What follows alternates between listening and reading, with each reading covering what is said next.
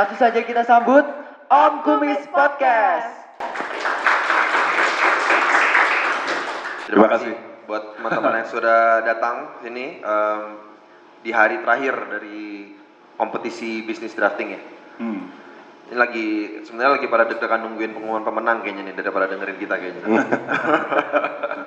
Jadi mungkin apa gimana Ken? Lu mungkin jel- jelasin dulu nih podcast. Nah podcast ya, kita nih apa? eh, mungkin dari teman-teman nih ada yang nanya nih, ini eh, ngakunya lawyer-lawyer, kok bisa bikin podcast apa segala macam. gitu. Tapi nggak tahu, mungkin teman-teman udah familiar dengan konsep podcast ya. Gitu berarti udah udah pernah dengar podcast kita? udah lah. yang kenceng yang sebelah kiri. udah ya. Gitu apa ya. nih yang belum denger dengerin abis ini. Ah, abis ini dengerin. Di Spotify ada, kita juga ada Instagram kita bisa di follow. Follow Instagram kita juga, Om apa Om Kumis Podcast. Angkumis Podcast. Eh, biar tahu nanti kita suka update di situ episode yang kita bikin. Nah, idenya sendiri kenapa kita bikin podcast ini sebenarnya eh, kita bertiga ini karena kita kan memang dulu satu kantor semuanya di H- HP di Baker McKenzie.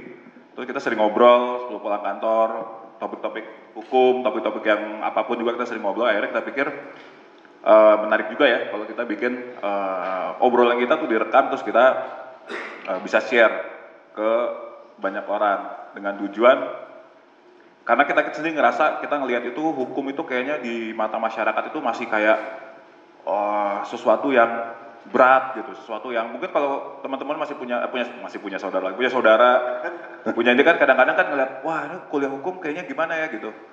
Ya kita juga sama ngerasain seperti itu juga dan kita lihat juga di luaran lawyer-lawyer itu kalau di TV yang di- ditampilkan itu kan kayaknya yang berat banget. Berat banget gitu ya. Bikin hukum makin jauh dari masyarakat ya. Hukum makin jauh dari masyarakat Iya. gitu. Isunya juga kalau lihat acara TV tertentu tuh isinya lawyer-lawyer berantem gitu kan segala macam. Atau kan lawyer pamer Lamborghini. Atau pamer Lamborghini, pamer cincinnya. cincin gitu.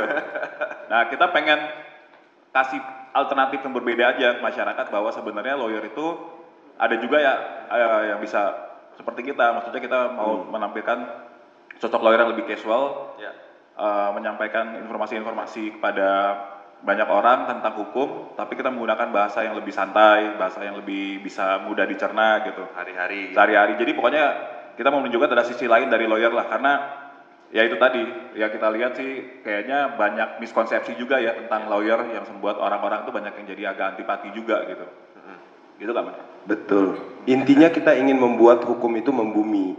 Kadang-kadang sarjana hukum aja bingung gitu ngedengerin kalau lawyer-lawyer ngomong kok bahasanya pakai istilah-istilah hukum semua gitu. Padahal mungkin dalam prakteknya nanti kepada klien nggak boleh juga tuh pakai bahasa hukum Benar. Betul. terus-terusan gitu. Cara komunikasi kita ke klien sebenarnya mungkin lebih baik seperti pendekatan kita dalam bikin podcast ya. Enteng-enteng betul, aja. iya. Mesti anggap diri Iya.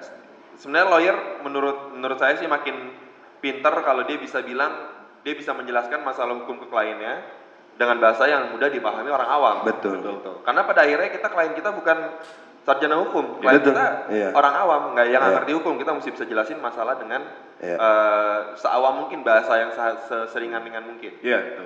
Dan bahkan kita juga sering melihat literatur di mana sekarang pergeserannya tuh udah mulai eh, dalam bahasa komunikasi lawyer kepada klien-kliennya ya. Bahasa Inggris gitu. Udah mulai tuh bahasa-bahasa Inggris yang zaman dulu dianggap berat itu sekarang udah mulai disyaratkan diganti dengan bahasa yang lebih sederhana gitu. Jadi Jadi here to, there under Iya. gitu-gitu tuh kalau ngeliat kontrak-kontrak kayaknya masuk-masuk hukum tuh pas gua masih keren banget juga, kayak here with Wah, gitu. gua mesti iya, gue mesti bikin se sebahasa seberat mungkin nih kontrak baru kontrak gue keren. Gitu. Iya, iya, iya. Kayak kalau bahasa Indonesia banyak dalam semua dokumen hukum pakai bahwa dulu depannya. Ah, iya, iya. Bahwa. Suka lihat nggak? Kalau Bahwa. kerjanya tuh bawah, bawah, bawah, bawah gitu. Nah, apa emang, emang perlu ya dibawain dulu bahwa bahkan kadang-kadang di- malah malah jadi jadi bingung kita Iya. nyari paragraf juga bingung depannya bahwa semua semua paragraf bawah yang mana?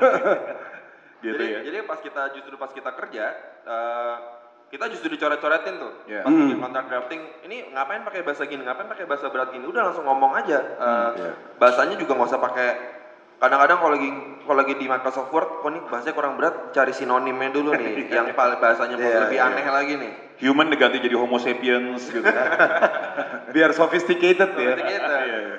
Tapi itu harus dipotong-potong sebisa mungkin, seringan mungkin eh, bahasanya straightforward itu paling. Nah, ini tips pertama buat adik-adik nih yang lagi menuju eh, apa namanya Masuk di dunia kerja. masuk ke dunia kerja Dunia nyata. dunia nyata gitu. Jadi bukan gak harus terlihat canggih. Sekarang itu semuanya harus efi- lebih efisien.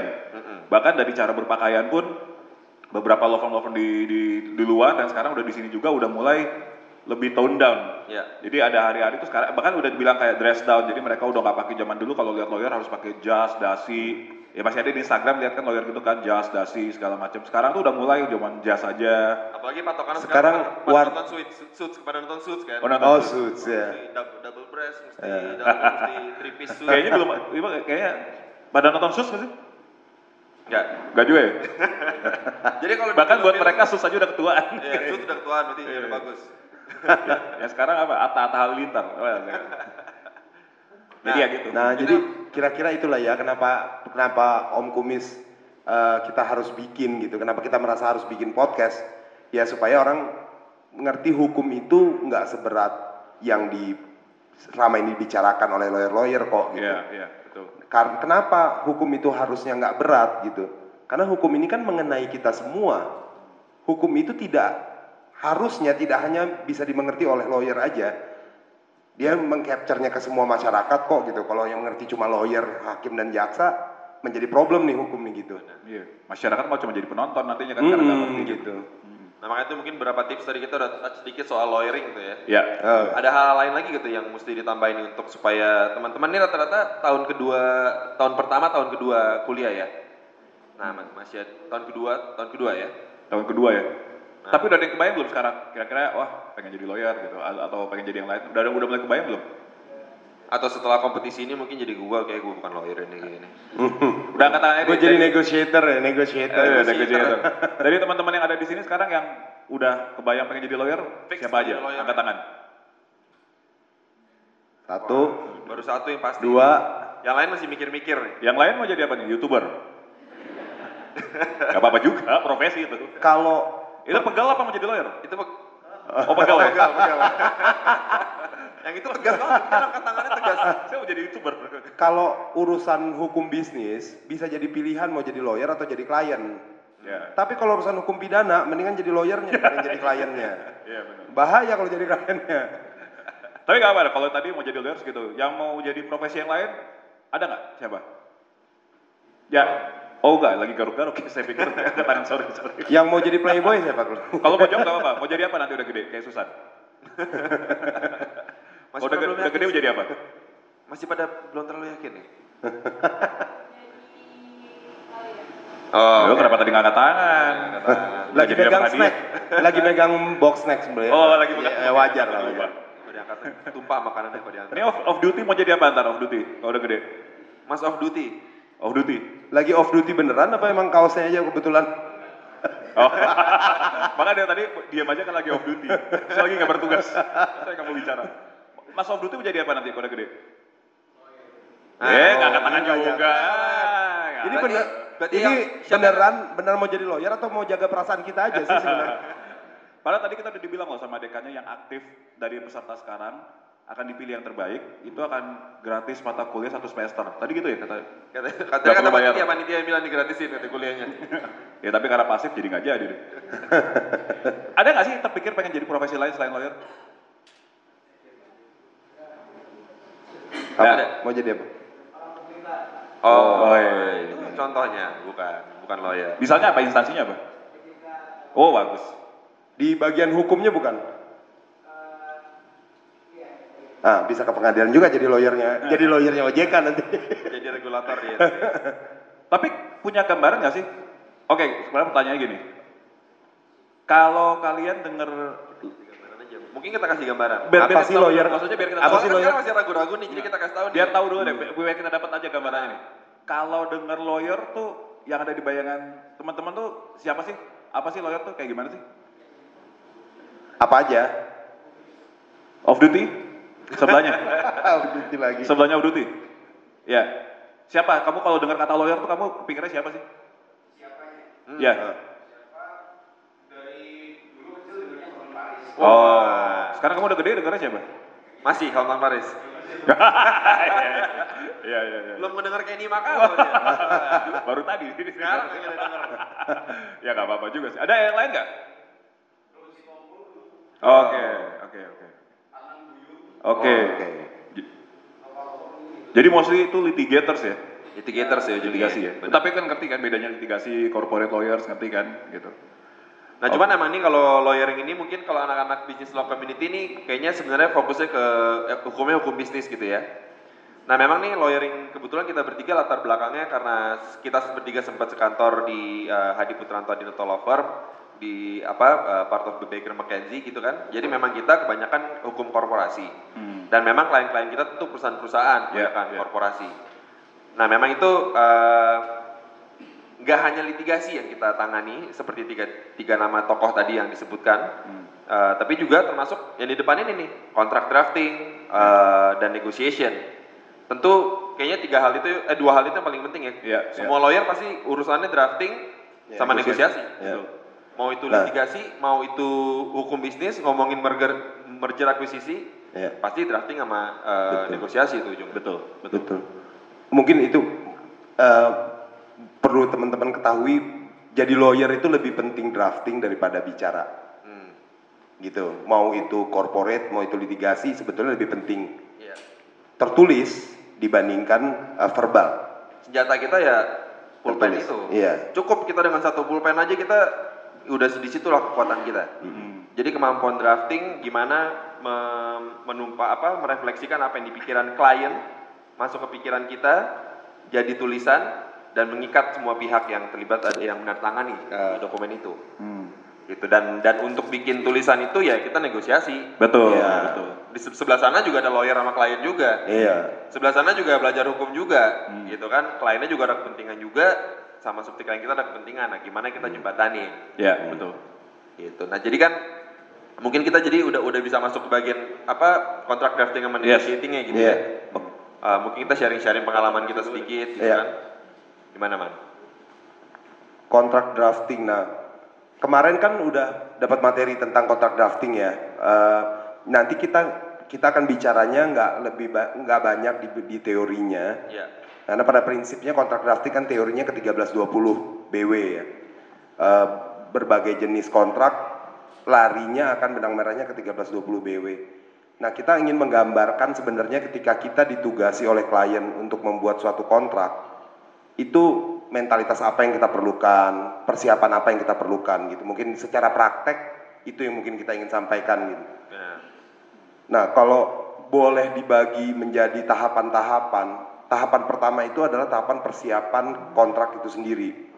Ketika kita ada klien datang ke kita mengatakan bahwa eh, ingin mengikatkan diri dalam suatu perjanjian dengan pihak lain, persiapannya itu yang perlu kita dapatkan. Yang nomor satu yang paling penting adalah gali dulu dari klien ini maunya apa sih dalam kontrak ini yang pentingnya dulu maksudnya kan ada pasal-pasal yang yang eh, tidak menggak apa ya pasal-pasal yang memang standar ada di situ gitu penyelesaian eh, penyelesaian perselisihan dan lain sebagainya nah kita lihat dulu nih tujuan bisnisnya klien dalam kontrak ini pengennya apa sih gitu karena kadang-kadang klien nggak tahu apa yang dia mau ya man ya. betul iya Ya, iya kita bantu giring gitu. Iya, itu itu harus clear dan kalau perlu bikin tertulis antara klien sama kita.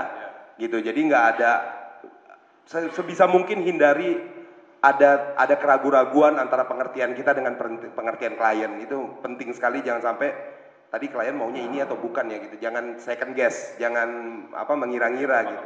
Iya. Kita harus pastikan dan tuliskan dalam poin-poin itu dulu keinginannya apa sih gitu. Nah, habis itu baru eh, secara praktek juga ideal ya kalau kita punya pengetahuan terhadap counterpartnya, counterpart maksudnya pihak sebelah sananya, dan kita punya pengalaman dulu dia dalam membuat kontrak seperti apa dan lain sebagainya, mungkin bagus juga untuk kita share kepada si kliennya. Ini karakter lawannya seperti apa sih gitu. Jadi ini proses preliminary. Tadi tadi poin-poin yang tadi Ilman bilang soal poin-poin kira-kira nih klien maunya apa? Mungkin eh, teman-teman juga tahu itu mungkin dalam bentuk term sheet gitu ya. Jadi sebelum masuk suatu transaksi biasa ada namanya term sheet. Jadi poin-poin pentingnya apa aja? Eh, misalnya ngom- ngomongin pinjaman, mau value-nya berapa? Kalau ngomongin merger akuisisi, mau dalam waktu berapa lama? eh, bidang usahanya, industrinya apa? poin-poin gede-gede dulu tuh. Jadi nggak nanti kan itu tinggal di elaborate lah semuanya. Jadi poin-poin gede udah harus setuju dulu. Gitu. Iya, sebelum sebelum diru- diformulasikan dalam pasal-pasal gitu Iya. ya. Jadi bahasa simpel gitu, bahasa simpelnya apa sih yang yang clear. Jangan bahasa yang yang multitafsir gitu di dalam poin-poin ini jangan sampai ada multitafsir gitu.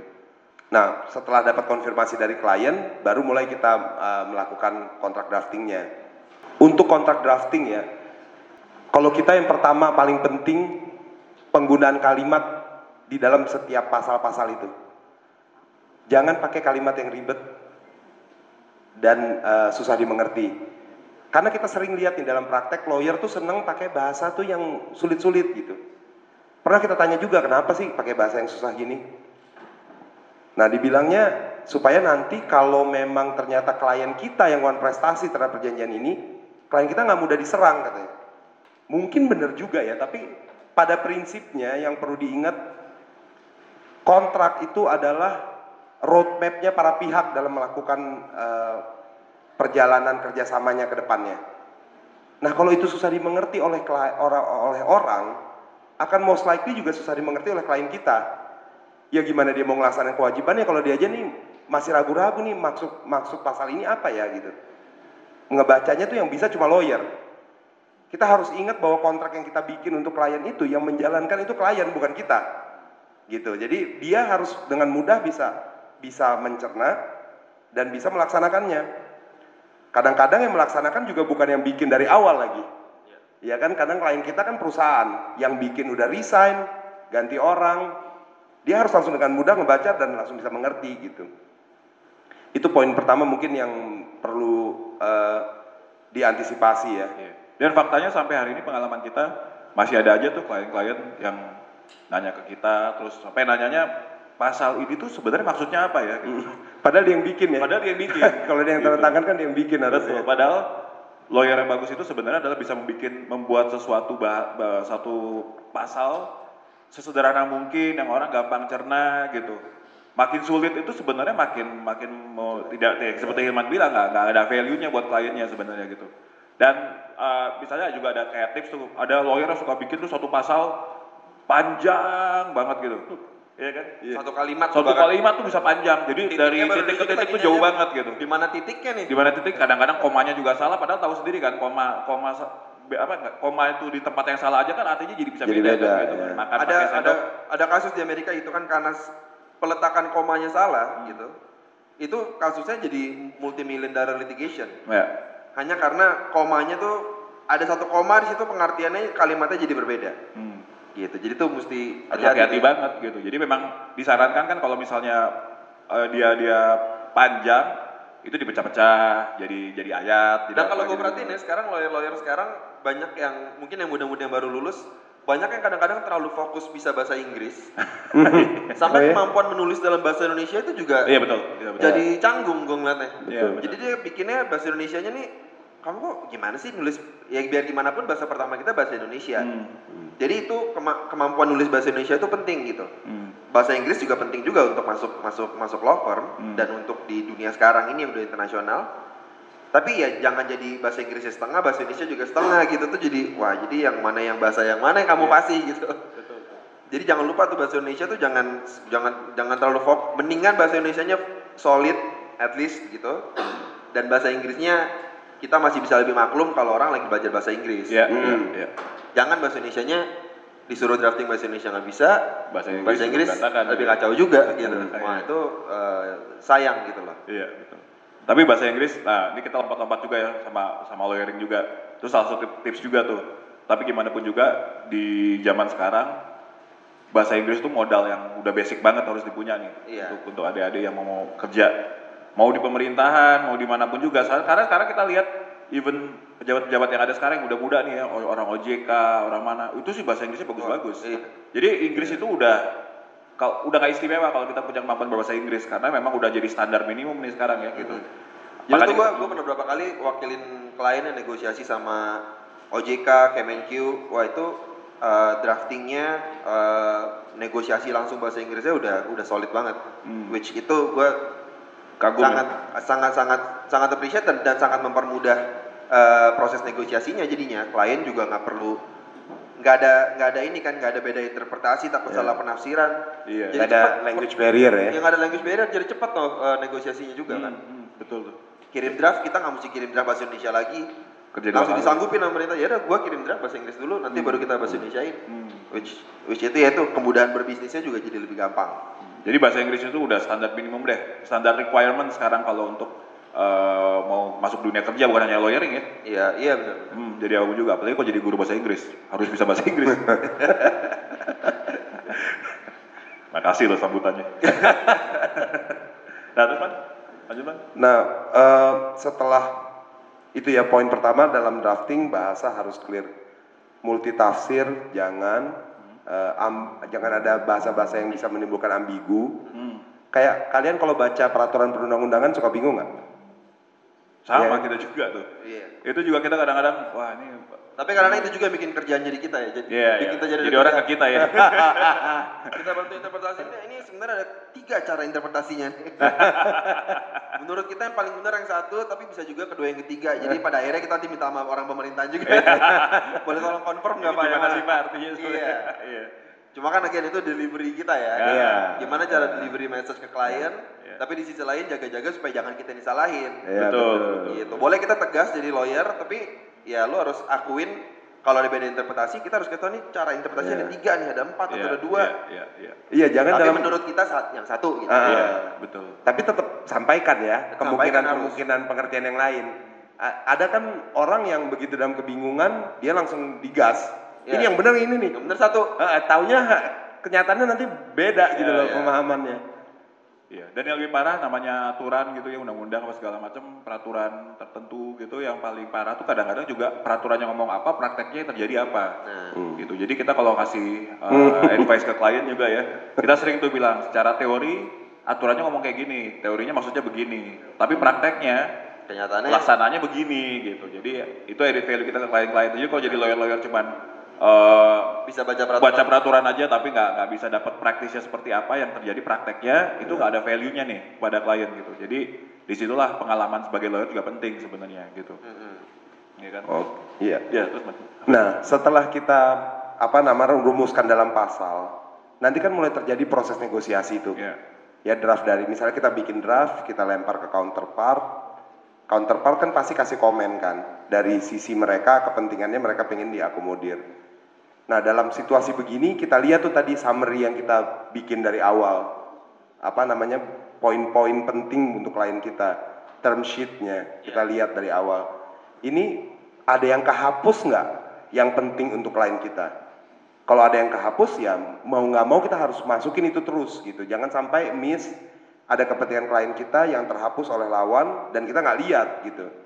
dan komunikasi sama klien penting tuh di situ ya Iya, jadi kita kasih tahu ini dihapus lu bisa terima gak iya, kalau oke dihapus ya kita lanjutin dengan draft mereka yang udah dihapus atau kita gimana kita bisa cari jalan tengah kita jembatani kah gitu. betul.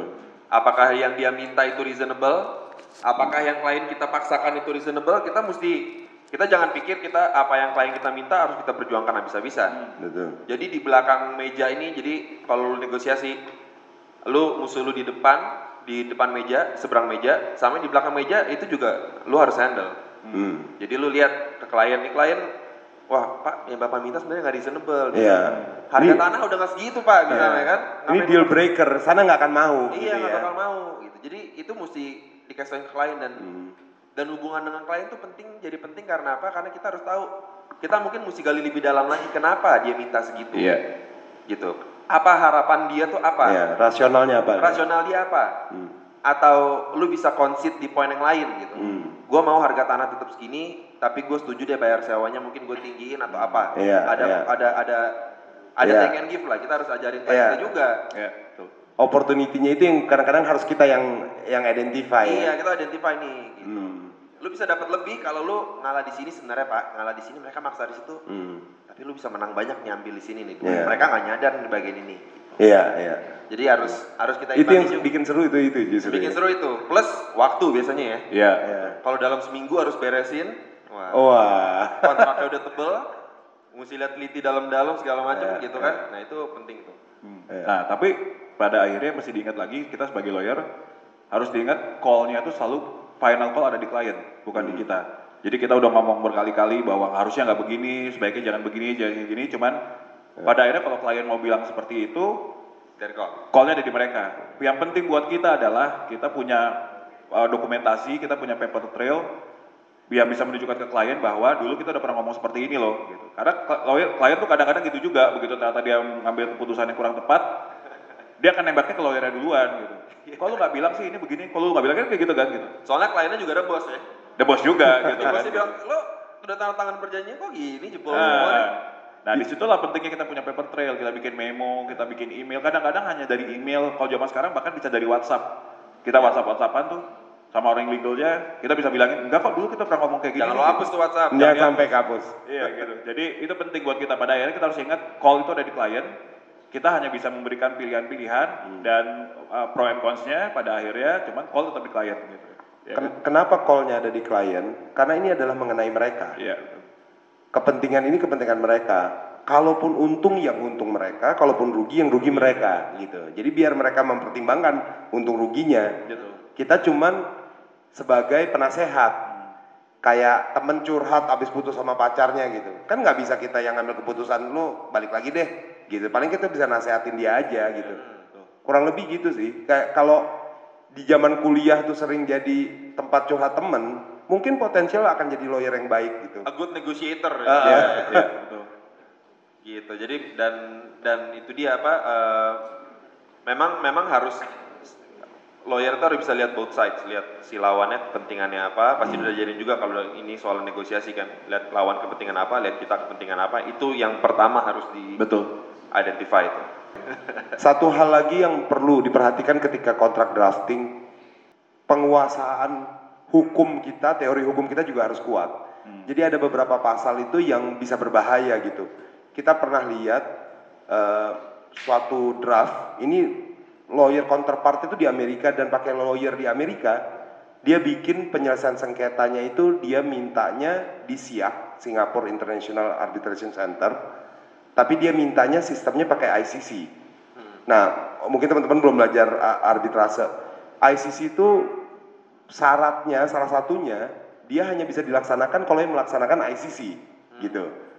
Jadi kalau sistemnya pakai ICC dilaksanakan di SIA dan kita nggak lihat itu di dalam di dalam uh, draft kontrak kita biarkan ketika ada perselisihan itu bisa tidak terselesaikan sama sekali pengadilan nolak ya undang-undang arbitration Iya. kita bilang nggak bisa. Siaknya juga nolak. Iya. Gitu. Jadi udah nggak nggak bisa nggak ada Deadlock udah ya? deadlock udah. Udah lagi posisi dispute udah orang posisi deadlock? Iya. Makin iya. nggak buntu gitu nggak ada nggak ada ini sama sekali. Benar. Hal-hal begitu tuh yang yang perlu kita lihat juga. Dan apakah itu dalam pelaksanaan meka apa pelaksanaan kewajiban hak dan kewajiban dalam perjanjian itu ada yang bertentangan dengan peraturan perundangan kita apa enggak gitu itu Iya. perlu dilihat banget sih Mhm, tuh. Jadi makanya tadi kan kalau bikin tadi kontraknya gue dengar topiknya soal soal akuis, akuisisi perusahaan merger akuisisi perusahaan asuransi gitu ya. Nah itu harus luar dalam tahu tuh eh, larangan-larangannya. Belum lagi ada merger control ya kan. Jadi mesti tahu peraturan-peraturan asuransi apa nih eh, yang mesti diperhatiin. Jadi makanya suka ngeliat tuh lawyer ada fokus lawyer asuransi itu karena dia tahu tuh seluk beluk asuransi yang boleh dan enggak segala macam untuk M&A-nya. Jadi memang kayak tadi Brian bilang ada beberapa industri itu yang memang uh, heavy regulated gitu loh. Uh, Asuransi asuransi, salah termasuk satunya. salah satunya tuh. Pokoknya semua yang under OJK tuh biasanya heavy regulated tuh benar-benar Iya. peraturannya banyak banget segala macam. Nah itu untuk bikin kontraknya nggak bisa nggak bisa kalau kita nggak nggak nggak memahami industrinya nggak memahami regulasinya karena nanti kalau begitu bertabrakan ya celaka Uh, kontrak kita bisa batal demi hukum tuh. kita setiap ngomongin OJK langsung lihat ke beliau ya Oh iya, udah diangkat jadi pejabat OJK nih bisa kebayang sih tapi dua Bisa, tahun bisa. lagi jadi pejabat OJK ya. udah cocok lo potretnya masuk masuk masuk kalau off duty nih jadi lawyer nih. Litigator nih. ya. litigator Litigator. nah terus bang Terus eh, setelah proses eh, drafting dan negosiasi di dalam kontrak akan ada proses namanya signing, penandatanganan. Nah, ini mungkin eh, me- apa ya mentalitas si lawyer juga harus di manage nih. Iya. Karena kan ini kan setelah proses panjang, battle kepada klien, battle kepada lawan dan lain sebagainya. Kadang-kadang ketika signing nih kita ngerasa udah kayak orang habis lari jauh gitu udah ah udah lega nih udah selesai, nih gitu, gitu beres. kan. Udah urusan not- notaris ah, aja. gitu. Masuk ke ruangan buat signing, dokumennya banyak banget. Iya, iya. Ya kan? Dokumen kontraknya sendiri. Kadang-kadang kontraknya ada yang ada umbrella agreement-nya, ada turunannya lagi. Kontrak apa eh, facility agreement ada jaminannya segala macam. Tapi kita pikir kan semua udah diomongin juga gitu. Semua juga udah terjadi di bulan-bulan sebelumnya, di minggu-minggu sebelumnya. Kadang-kadang malah lupa miss untuk lihat bener nggak sih yang mau ditandatangan ini versi yang terakhir. Ya, Nah, betul. Iya, versi terakhir. Itu yang paling paling simpel aja. Iya. Itu- Dan itu pernah terjadi. Dan, dan itu paling nyebelin menurut gue. Paling iya. Ah. Soalnya kalau lagi kirim-kiriman draft pakai soft copy masih bisa kita compare. Betul, betul. Pas udah di print Udah hard copy ya. Kan udah harus mata kita yang lihat. udah harus mata lihat satu-satu Hmm. tuh. Pernah terjadi. Bukan nggak mungkin loh pihak lawannya segitu jahatnya. Sengaja nuker ya. Iya. Dia kasih versi yang berbeda buat tanda tangan. Dan nyempil-nyempil kata-katanya di bagian-bagian tertentu Iya, aja. iya, iya. Gitu. Pasal-pasal yang dulu udah sempat di take up, tiba-tiba masuk lagi. Iya, gitu ya. gitu. Gimana kalau kita bilang, oh udah, udah bu, kita ngomong sama kliennya pak, udah pak tanda tangan aja kan kita udah ngomongin berkali-kali. Gitu. Itu bahaya tuh. Tetap harus kita lihat dulu. Jangan merasa finish line itu ketika mau signing, jangan. Gitu. Finish finish line itu pasti bayar sama klien. That's the real finish line. The real finish line. Jangan lupakan hak retensi Anda. Begitu kita dibayar klien terus uang kita hambur-hamburkan itu finish line-nya tuh.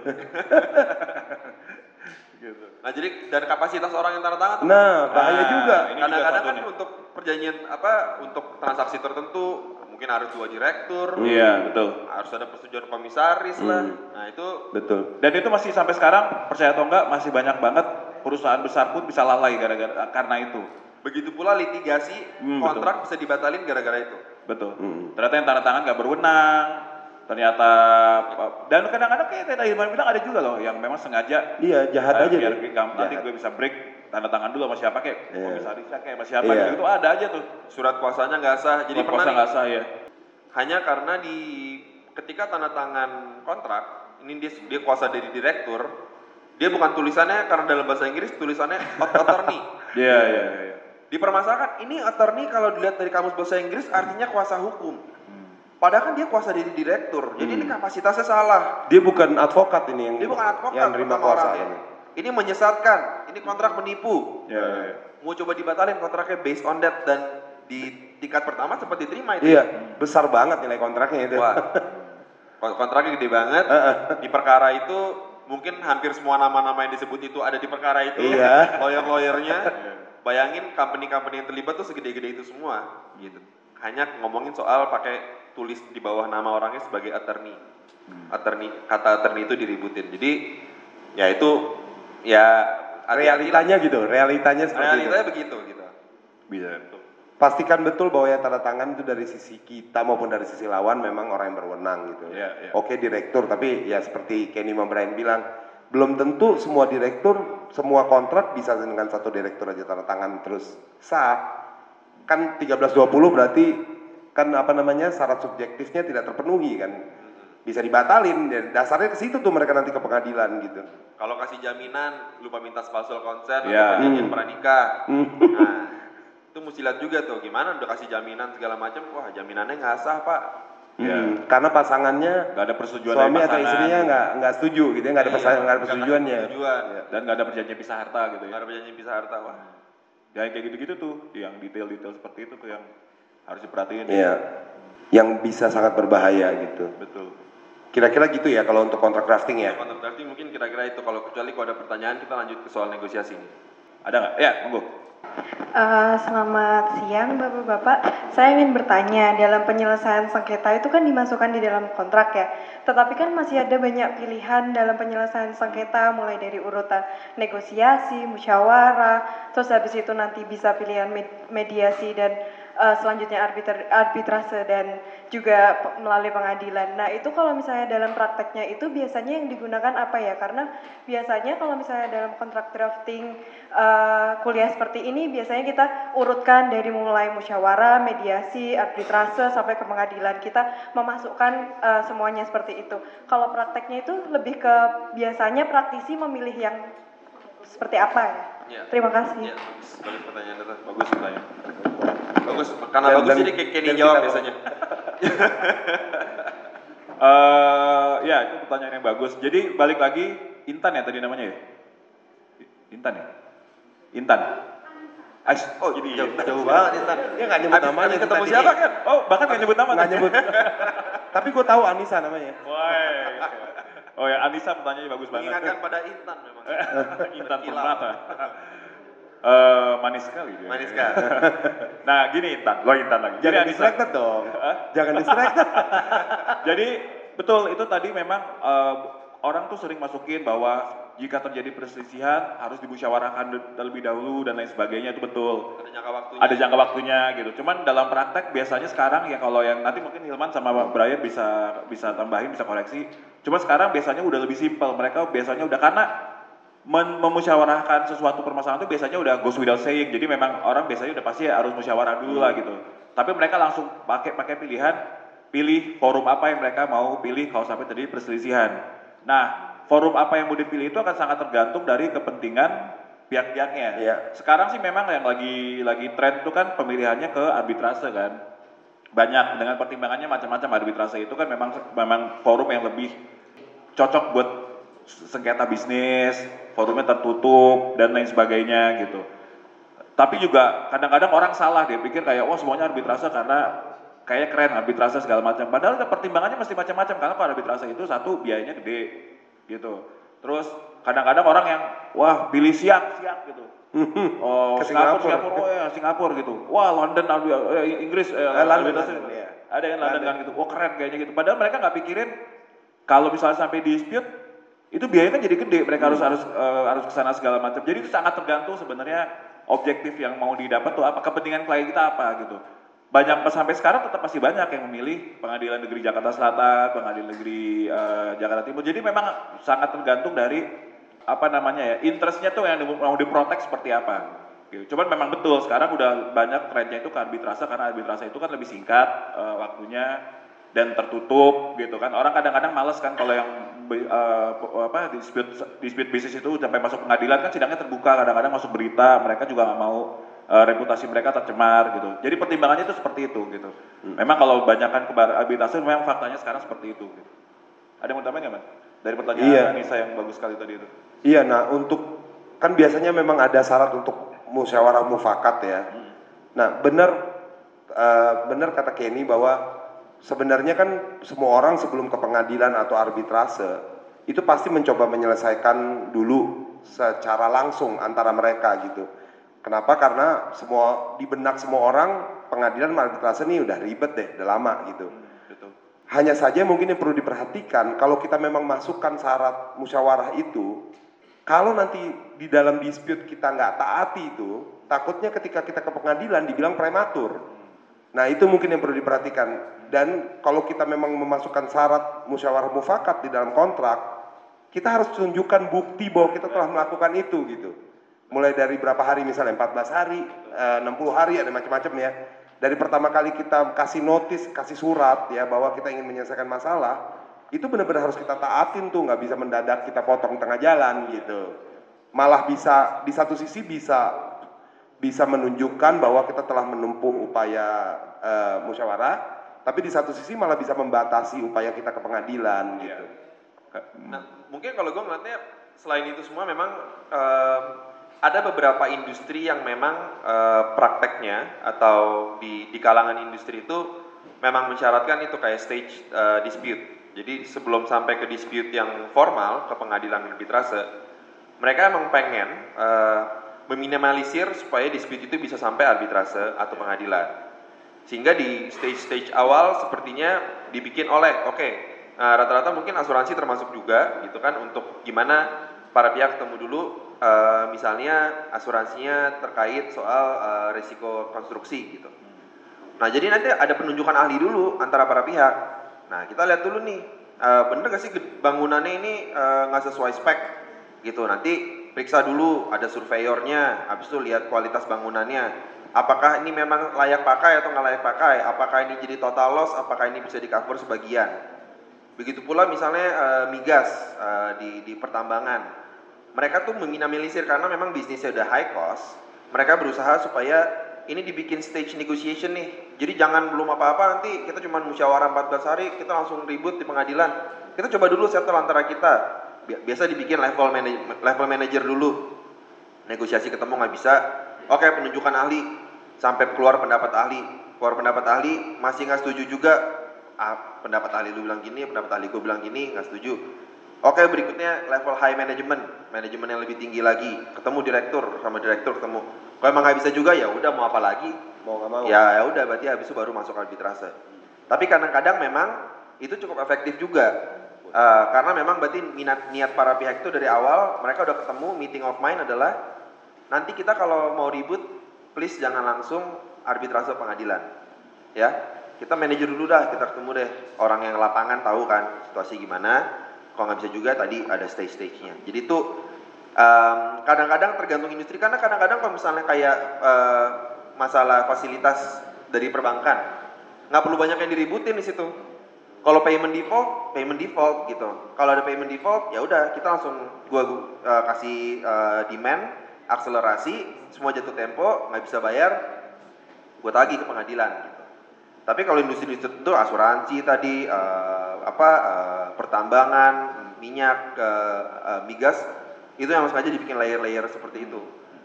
Gitu. Jadi intentionnya justru memang meminimalisir uh, cost arbitration atau cost pengadilan Mungkin anggapannya musyawarah itu akan efektif ya, karena perselisihan bisnis ini kan prinsipnya memang mengenai Komersil. bisnis, eh, mengenai Komersil komersil, semuanya, ya, mengenai benar. uang. Bukan saya sebel sama kamu. iya Gitu. saya bener kamu salah gitu kan. Iya, nah kalau udah udah sebel-sebelan itu udah beda kan. Nah, Kalau bisnis kan harusnya nggak begitu. Jadi dalam pembicaraan itu kan masing-masing bisa melihat uh, point of view bisnis dari sisi dari lawannya gitu. Jadi mungkin bisa dianggapnya bisa ketemu kali. benar Tapi pertanyaan yang bagus sekali Anissa. Ada lagi yang bisa mengalahkan pertanyaan Anissa yang tadi sangat luar biasa? oke Ya, silakan. Gue santai aja. masa buru-buru sampai jam 4 gitu Ma- Selamat sore Om Kumis. Eh, saya Dwi Krisnawan. Ya, Saya mau tanya Om, kalau misalnya di antara Om Om ini disuruh milih antara kasus eh, antara menjadi drafter atau menemani klien ke litigasi, itu milih yang mana? Dan kenapa alasannya? kebetulan kita semua litigator berarti ya. Tapi gini, menjadi litigator tuh ya drafter juga, ya nggak? iya iya Karena pengadilan kita kan semua tuh diserahkan secara tertulis. iya gitu jadi kita drafting juga uh, skill drafting itu akan diperlukan oleh seorang lawyer terlepas dia akan menangani perkara litigasi atau non litigasi gitu. So- sorry, tapi ini maksudnya draft drafternya itu draft kontrak. kontraknya. Oh. Kontrak. Karena kita kalau litigasi kalau kita litigasi pun nggak jarang juga Iya. bahkan gue pribadi mungkin cukup banyak dari pengalaman gue yang settle di luar pengadilan. Hmm. bahkan sebelum masuk pengadilan.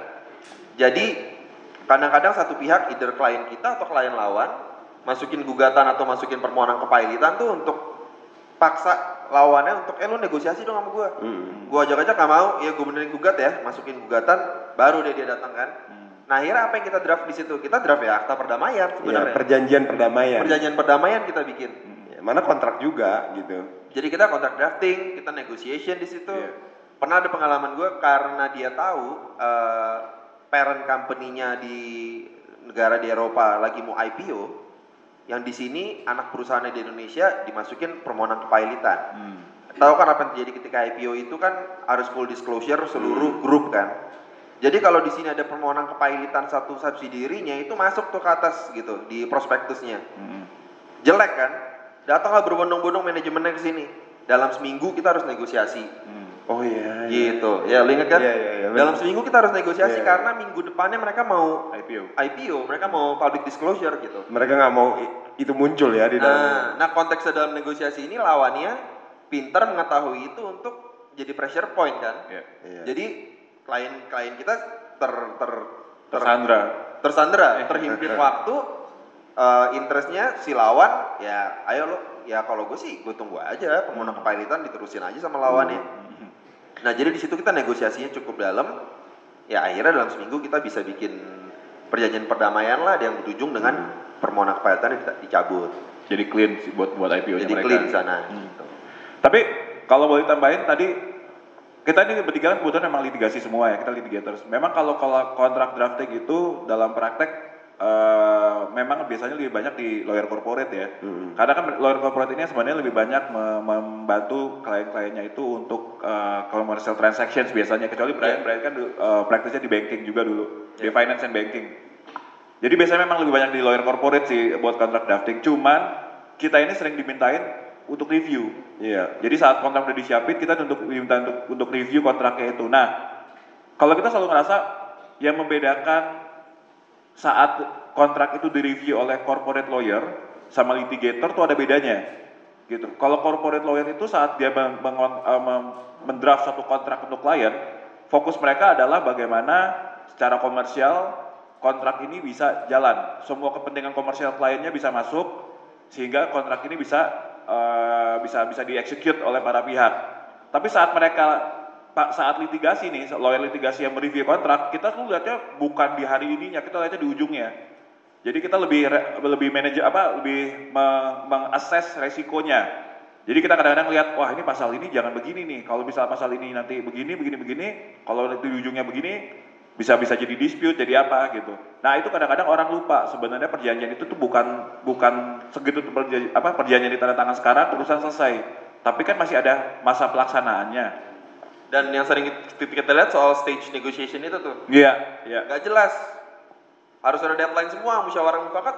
Jangan bilang para Iya. pihak harus mengusahakan musyawarah mufakat dalam berapa hari. Gitu Iya, loh. ada waktunya. 14 hari, 60 hari itu penting. Kalau enggak, wah, pas lagi kita mau nanti pas lagi mau dispute, panjang punya, oh ini masih musyawarah bu, diulur-ulur terus. nggak bisa maju gitu. Ya paling sering juga gitu tuh masalah pel- pelaksanaan prestasi dari salah satu pihak misalnya sepihak pihak A eh, pihak pertama itu berhak memutus kontrak misalnya atau berhak men- mendenda eh, jika dengan pertimbangan yang reasonable katanya performance-nya dianggap tidak memenuhi eh, kesepakatan.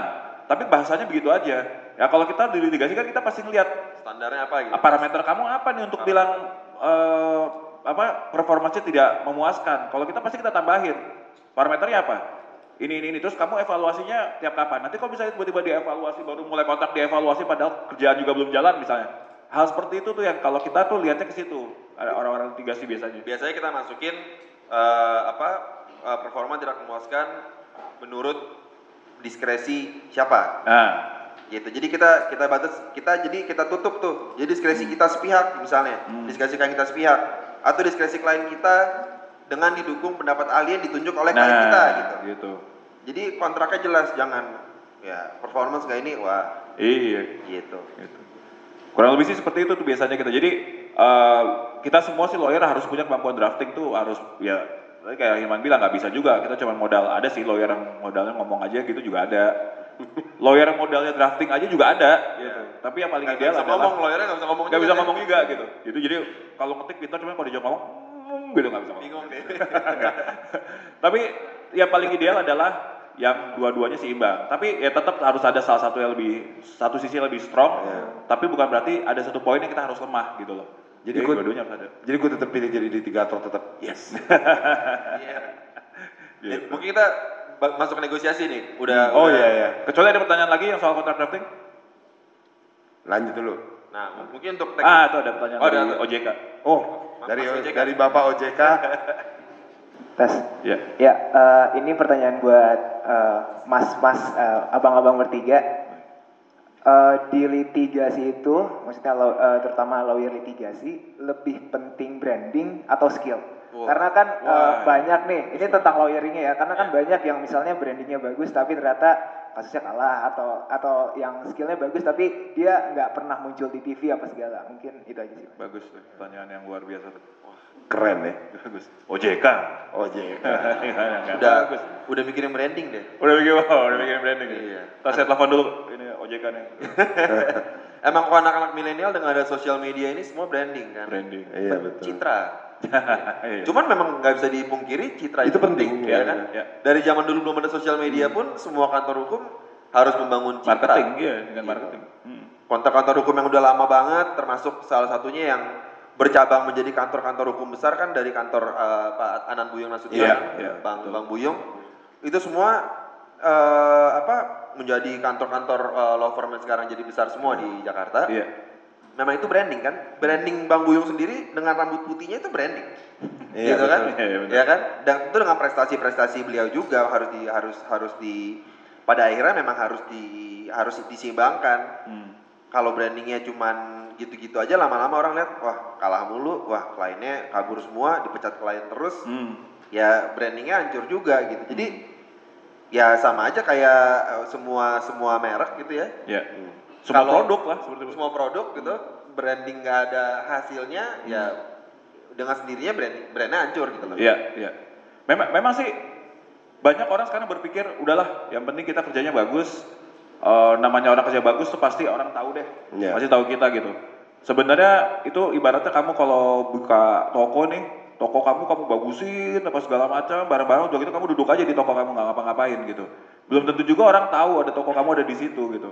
Ya itu harus diimbangi, memang namanya marketing itu tetap ada, harus tetap ada gitu. Jadi branding bahkan lebih yang lebih personal sebagai lawyer namanya profiling disebutnya gitu kita meraise profile kita di market itu seperti apa caranya seperti apa misalnya kita pengen lebih diketahui sebagai seorang spesialis di bidang tertentu litigasi dan corporate itu kan bidang tapi itu kita juga harus ada spesialisasinya juga kayak tadi Brian misalnya eh, fokusnya di kepailitan di banking and finance misalnya gitu Eh, jadi memang harus ada brand yang kita jual ada harus ada apa ya niche-nya jualan jualan yang kita karena di market sekarang orang tuh suka mikirnya gini wah paling keren itu jadi lawyer yang tahu semuanya gitu.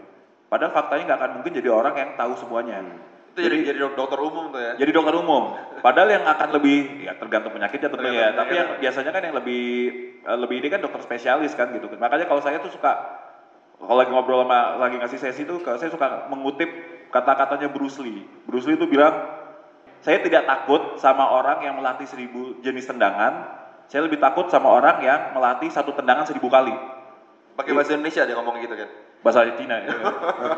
Wah, siapa siapa siapa Bahasa- siapa Bahasa Inggris dong. Bahasa Inggris. Bahasa Dia di Amerika. Oh iya. Tapi baca baca. Eh, bukan macam aja. Tapi ngerti maksudnya tuh dia lebih takut orang yang punya spesialisasi. Iya. Hmm. Jadi sekarang kalau di di di market itu orang yang tahu sedikit tentang banyak hal itu sebenarnya lebih susah bersaing dibanding orang yang tahu sedikit Tahu banyak. tahu banyak sedikit. tentang satu hal Mm-mm. atau sedikit hal. Jadi itu spesialisasi. Jadi memang seperti di HP dulu sekarang di HP dan sekarang hampir semua law firm ya. Hmm. Di Jakarta itu selalu ada practice group. Jadi practice group itu spesialis eh, spesialis kamu tuh di situ. Fokusnya beda-beda. Fokusnya ada banking lawyer, capital market lawyer, ada apa lagi sih? Employment. Employment lawyer apa segala macam. Tax, M&A, tax, Capital M&A, market ah. tadi Ferry itu capital market. Ya, tuh. jadi- satu kantor juga dulu tuh. Iya, jadi nggak bisa. Sebenarnya aneh kamu misalnya di lawyer hari ini kamu bisa menangani perkara merek, Hmm. besok-besok tiba-tiba kamu jadi capital market, besok orang tuh akan nggak mungkin kita kita bisa spend waktu kita energi kita tuh untuk bisa menjadi spesialis di semua bidang gitu. Nah itu tuh profiling bagian dari profiling juga saat kamu men- menyatakan diri kamu sebagai spesialis sesuatu itu profiling juga gitu. Tapi ya skill juga nggak bisa kamu ini. Tapi jangan salah ya maksudnya banyak kok orang-orang yang modalnya branding aja tapi kemampuan kerjanya kurang bisa sukses ada juga itu nggak ada rumusnya sebenarnya Eh, atau sebaliknya orangnya memang jago banget tapi sebenarnya nggak terlalu branding tapi memang bisa sukses juga itu memang rumusnya nggak ada cuman memang idealnya ketemu di tengah-tengah sih sebenarnya Anomali kadang-kadang. anomali cuman yang mesti lurusin gini jangan juga selalu dibilang lawyer yang sering kalah itu udah pasti jelek ada yang maksud saya nanti nanti kamu akan melihat bahwa eh, in reality itu Di dunia nyata. di dunia nyata itu menang kalah itu kadang-kadang bukan bukan yang men- bu- bu- tidak mendefine siapa kamu sebagai litigator. Klien itu akan melihat sebenarnya bagaimana servis kamu ke mereka, bagaimana integritas kamu terhadap klien. Mau sebagian besar hampir semua sekarang klien-klien asing itu bukan cari lawyer yang pasti yang selalu menang.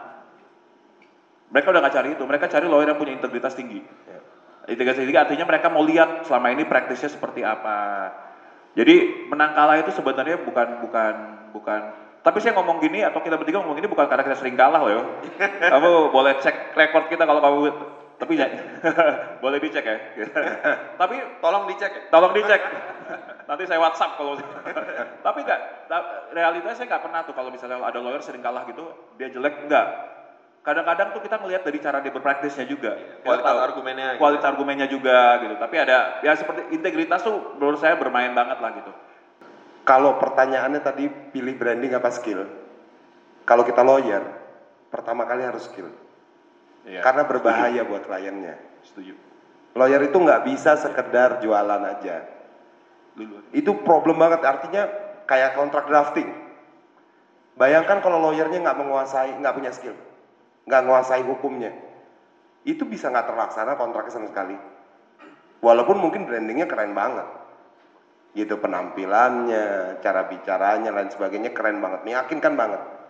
Tapi dia nggak tahu ada ada isinya apa nggak. Kadang-kadang klien juga nggak tahu nih orang ada isinya apa nggak. Makanya menjadi lawyer itu kan advokat itu ada tahapan-tahapannya. Karena bahaya gitu. Jadi bukan cuma sekedar eh, apa merugikan diri, bukan cuma sekedar laku atau nggak laku eh, efeknya, tapi kerugian si klien ini bisa da- dalam tahapan masuk penjara bahkan. Gitu. Jadi skill bang penting banget. Skill harus yang pertama ya. Itu Iya. pertama lah, betul. Karena ada ada resiko yang sangat berbahaya di situ. Bukan bukan kepada bukan kepada kantong kita loh bahayanya gitu.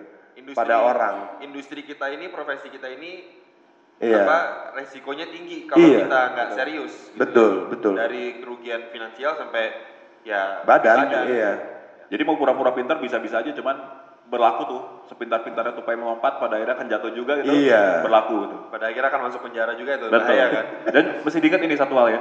Klien market nih, saya rasa bukan hanya lawyer aja tapi di seluruh industri. Market itu akan lebih merespon, akan lebih sensitif tentang hal yang negatif.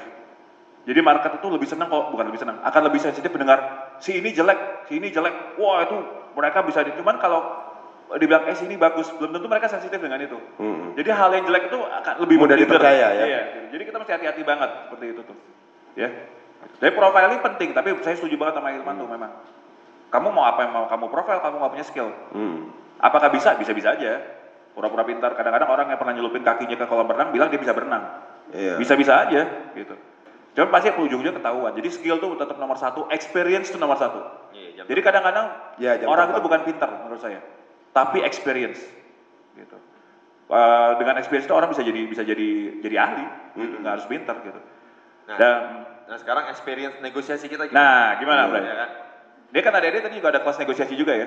Negosiasi jadi mereka habis drafting mereka negotiate kontraknya. Oh, Oke. Sehingga akhirnya jadi kontrak jadi kontrak bar jadi apa jadi kontrak yang Jadi disetujui dua-dua klaus, gitu ya. klaus klausnya di di di di, di negotiate ya. Ah. Oke. Kalau penentuan pemenang, pemenang bisa dinegosiat nggak? Pemen- Nah, itu dia. Ini kan lagi final lima, lima tim nih. Bagi yang kalah harus menegosiasikan itu ke yang menang atau ke panitia. Nah, atau di berlima ini negosiasi dulu. Udah yang menang gua aja boleh nggak? Iya. Iya, ini kan yang menang Gitu. namanya tim eh, Jangan nggak boleh dibaca jangan, sekarang.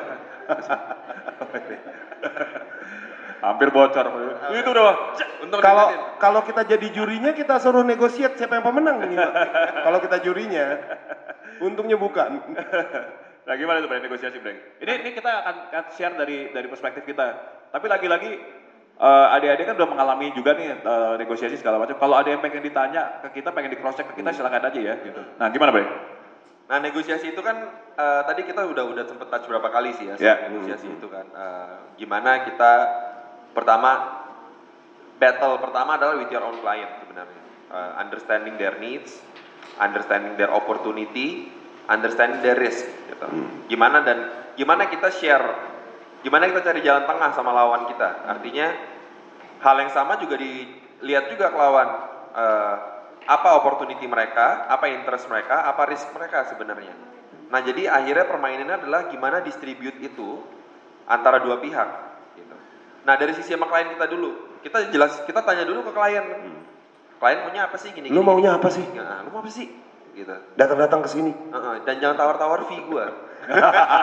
itu dulu. Loh. sebelum ngomong, negosiasi itu itu out of itu, Taken, out of ya. the table negosiasi.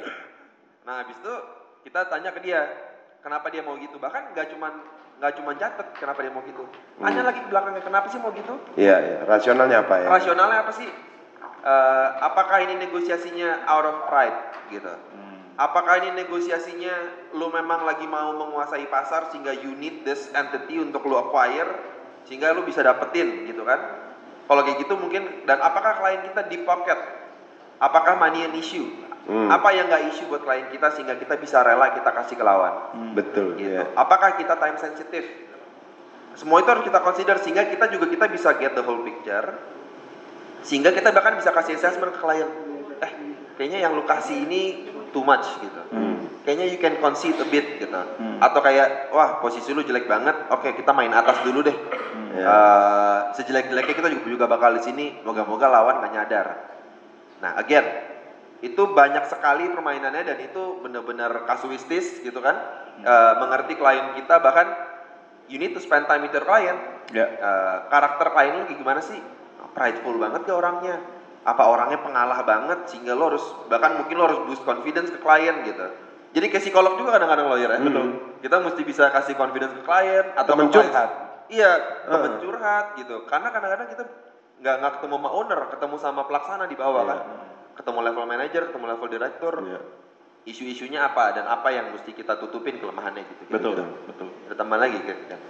Atau man? Ya, aduh, dulu dulu ya. Sebenarnya balik lagi sih negosiasi itu eh sebenarnya simpel dalam artian kita dalam hidup ini kita semua pasti bernegosiasi terus. Ya, dari kecil ya. Dari kecil. Benar ya. Iya kan, kamu minta minta dijuliin mainan atau mintain permen sama orang tua kamu, kamu harus nego. Kalau minta mainan, eh ya deh janji deh ulangannya nanti bagus gitu. Iya. Itu negosiasi semua kan gitu kan. Saya sama anak saya sering tuh gitu tuh.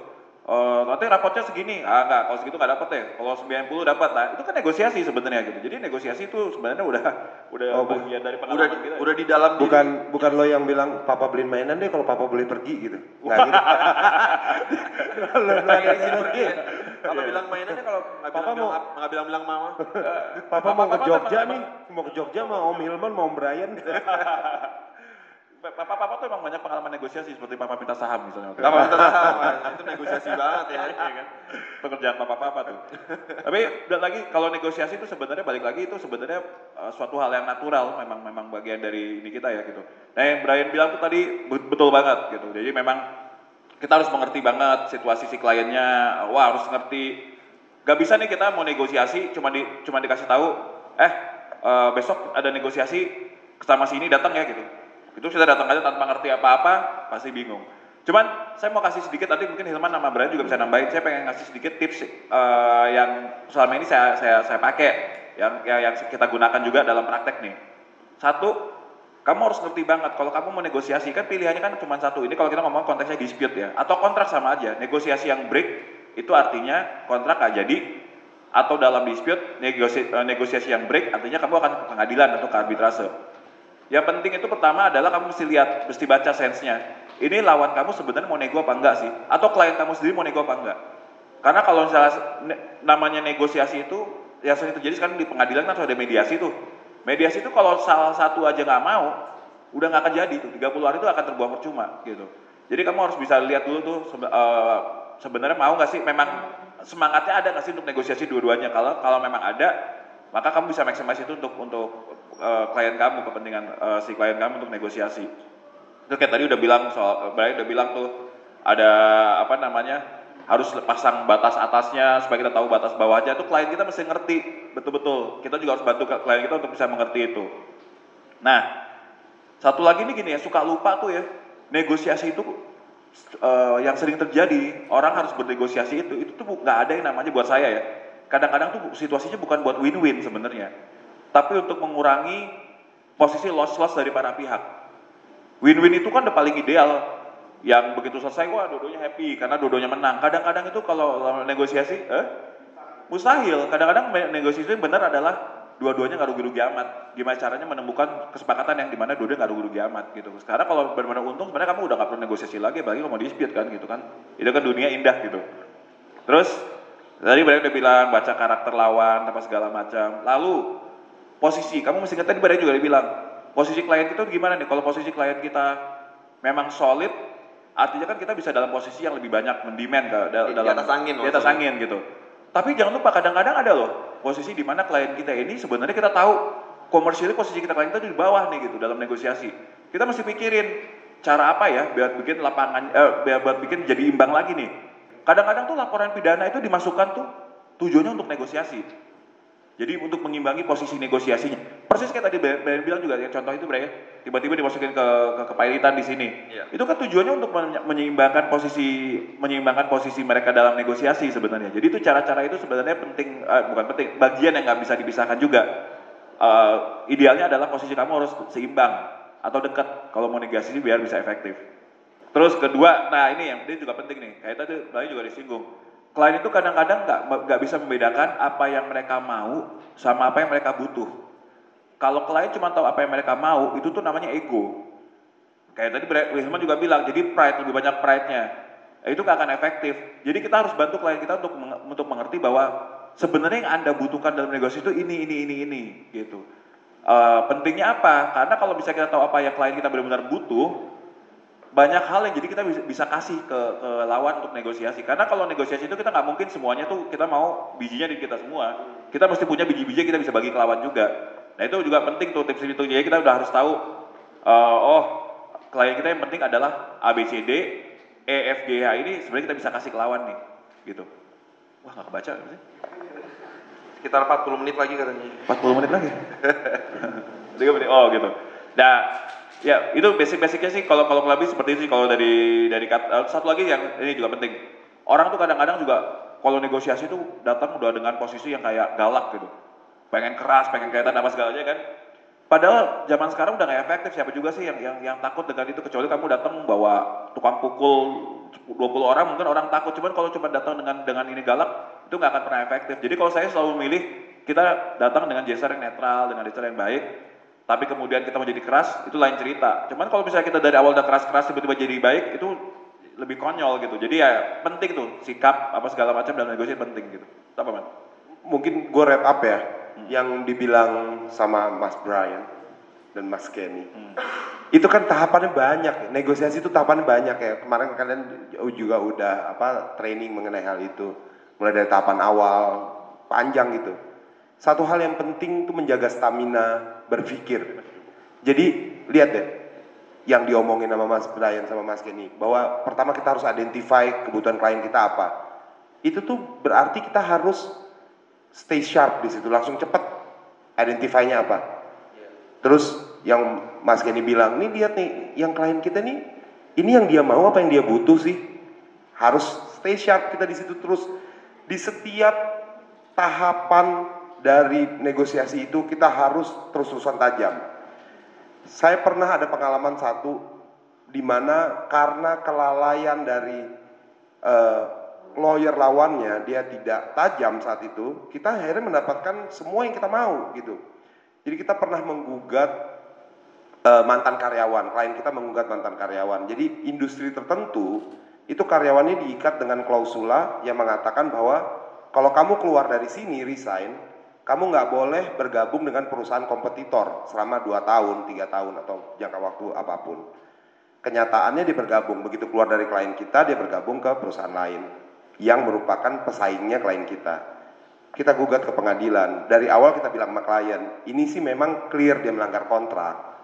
Tapi untuk masalah kerugian, ini susah banget kita buktiinnya. Apa sih ruginya kita kalau dia masuk ke perusahaan lain? Kalau dia pernah training sama, sama klien kita, oke, kerugiannya dari training dan segala macam. Sedangkan syarat perdata kita kan harus ada kerugian baru bisa gugat. Dari awal kita udah bilang, tapi klien bilang masukin aja karena kita butuh untuk menyampaikan ini kepada karyawan yang masih ada sekarang supaya jangan join ke tempat yang lain. Udah berjalan, persidangan mediasi gagal, persidangan berjalan terus sampai selesai pembuktian. Jadi ada tahapan persidangan tuh ada pembuktian. Di pembuktian itu kita nggak menyampaikan bukti kerugian sama sekali. Lawan dah lihat itu kan di persidangan terbuka. Tapi kita ngobrol-ngobrol di luar persidangan sama lawyer lawan, lawyer lawan bilang kita masih mungkin damai nggak ya? Terus saya bilang ya mungkin kita selalu terbuka untuk damai kok gitu. Nah di persidangan lawyer lawannya bilang majelis mohon maaf setelah selesai persidangan apa pembuktian ini kita sepertinya ingin damai nih dengan penggugat. Boleh nggak kita masuk lagi ke mediasi dalam dalam persidangan itu boleh memang. Terus majelisnya bilang oke langsung masuk ke mediasi. Di mediasi ditanya lagi ke kita sebagai penggugat, ini penggugat mintanya apa sih gitu? Ya kita minta eh, tiga hal. Pertama permintaan maaf, kedua eh, dua hal ya permintaan maaf sama ganti rugi gitu. Ditanya ke lawyer si tergugatnya, ganti rugi, kita kan karyawan, kita nggak punya duit dong untuk ganti rugi segala macam. Terus uh, mediatornya bilang ya udah minggu depan panggil orangnya. Jadi si karyawan dipanggil, kita juga harus panggil direksi kita. Datang, ditanya lagi, permintaan penggugat apa? Ya kita mintanya permintaan maaf di media massa sama ganti rugi. Lawannya lagi-lagi argumennya dia bilang ganti rugi kita nggak bisa. Kita kan orang kecil mana punya duit. Ini teman-teman harus ingat ya, mediasi ini terjadi setelah pembuktian dan kita tidak bisa memberikan bukti kerugian. Kalau dia tajam saat itu, dia cukup bilang ngapain minta ganti, ganti rugi? Kamu aja nggak bisa buktiin kerugian kamu kok. Harusnya argumennya seperti itu. Nah, habis itu klien kita kita tanya, Bapak ganti rugi ada angka tertentu nggak Pak? Berapa aja Pak? Nah, Kita memang nggak akan buka kok ganti ruginya berapa. Kita cuma bilang ke karyawan kita, dia udah minta maaf, dia udah ganti rugi dengan jumlah yang tidak bisa disebutkan. Akhirnya dapat karena mediatornya akhirnya push dia. Masa berapa aja nggak bisa sih bu? Perempuan ini ya mantan karyawannya berapa berapa aja deh ibu sebutin deh berapa aja. Siapa tahu mereka nerima. Dia sebutin angka yang yang kecil banget. Si kita langsung bilang oke, langsung deal dapat semua yang kita mau. Yang tadinya kita ngerasa kita bakal kalah perkara ini karena ada kerugian, klien dapat semua yang mereka mau. Simply karena lawyer lawannya nggak spesial mediasi pen, eh, apa negosiasi penting sekali kita stay sharp kita tahu perkembangannya dari awal sampai akhir bagaimana kalau nggak kecolongan gitu Kalau kalau pengalaman gue itu tuh pas lagi yang deal seminggu penuh itu tuh stay sharp dalam keadaan kurang tidur. Nah itu penting juga tuh. Sedangkan lu kan kalau negosiasi waktu itu gue masih tahun baru tiga tahun kerja, empat tahun kerja. Kalau partner sih cukup tidur. Jadi pas besok negosiasi dia segar. Cuma kan gue nggak tidur. Besok pagi disuruh ikut meeting. Jelasin coba apa ya kemarin kontraknya udah mesti ini. Tiap kali lagi, lagi negosiasi detail-detailnya dia juga nengoknya ke gue lagi kan. Wah, wah udah lagi udah lagi nahan-nahan ngantuk gitu kan. Cuman yang seru pas gue itu lumayan agak seger gara-gara memang negosiasinya kenceng-kencengan tuh. Oh. Berak-berakan meja, walk out, nah lumayan lumayan bikin seger lah. nah, trik Cuman- pakai trik-trik lah ya Iya, tapi nggak tahu kemarin tadi yang di negosiasi tadi ada yang pakai taktik-taktik gebrak meja dan walk out gak? Nggak ya, nggak ada yang pakai gitu. Cuman ya kenyataan dalam kehidupan kayak gitu. Kadang-kadang kan ya kalau dalam posisi kalah ya kadang-kadang mesti galak atau atau posisi udah di atas juga mesti digalakin lagi. Ya, it's it's all a play, it's all it's all part of the negotiation. Iya. It's how you play your card gitu kan. Sebenarnya pada akhirnya gitu. You can have a bad card tapi you can still win the the the, the game gitu the negotiation. Jadi ya kalau mau gebrak meja ya nggak apa-apa, cuman don't take it personally, tetap otak tuh tetap sharp betul. aja, jangan jangan me- emosi lo jadi bergerak gitu jadi Iya. rusak semua konsentrasi. nah itu satu hal gebrak meja walkout bukan berasal dari emosi Iya, itu Gitu. bukan emosi itu itu itu Role Ah. play aja, role play. gitu. itu strategi strategi. aja strategi aja Itu strategi. Jadi ketika lu sendiri ngelakukan gebrak meja pun Iya. jangan emosi dalam diri. Jangan. Ini emang tujuan kadang-kadang sebenarnya gebrak meja sebenarnya kita lagi mencari rehat, kita mau negosiasi sama klien gimana di belakang. Hmm. Enggak kita keluar, padahal di belakang partner gue sih ngerokok-ngerokok aja sama klien gimana nih kita mau negosiasi, nggak marah dia. Gue juga kaget masih baru 2 tahun kerja, 3 tahun kerja. Oh, gini Kayak maksudnya gini. si bos gitu. Tapi sana kan pas break itu kan kita ada waktu ngomong sama klien, sananya mikir, wah kenapa tadi kita salah ngomong apa ya? Iya. Sananya kan mikirnya gitu gitu. Tapi tahu gak, untuk mungkin menutup ya, untuk menutup, Bisa kalau kalau pengalaman saya sendiri ya, kalau negosiasi itu, yang paling indah itu apa coba? Kalau berhasil negosiasi, kalau buat saya, dan ini berapa kali saya bisa mengalami, negosiasi selesai di saat lawan merasa dia dapat yang dia mau, di saat lawan merasa dia yang menang di negosiasi itu, padahal semua yang klien kita mau udah disetujuin, itu yang paling indah, karena kalau buat saya, eh, dua-duanya nggak ngerasa rugi gitu. Padahal mereka dapat receh-receh. Sebenarnya semua yang penting-penting ada di klien kita. Tapi untuk keluar tuh mereka lawyer bangga banget, kelihatan kayak dia sukses sama kita juga jadi jadi bersahabat banget gitu. Itu yang paling indah menurut saya negosiasi. Jadi kalau saya buat saya itulah yang sebenarnya win-winnya tuh di situ sebenarnya. Iya kan gitu. Jadi kalau misalnya kita negosiasi bisa juga dengan cara-cara yang kasar.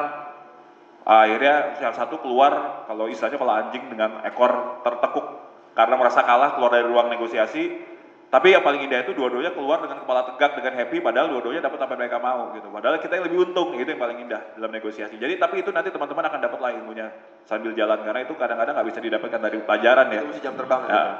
Yang penting kemampuan membaca membaca karakter orang dan lain sebagainya itu hal yang nggak bisa dipisahkan lah gitu. Oke, semoga eh, bermanfaat Yes. diskusi Yes, kita yes. hari ini.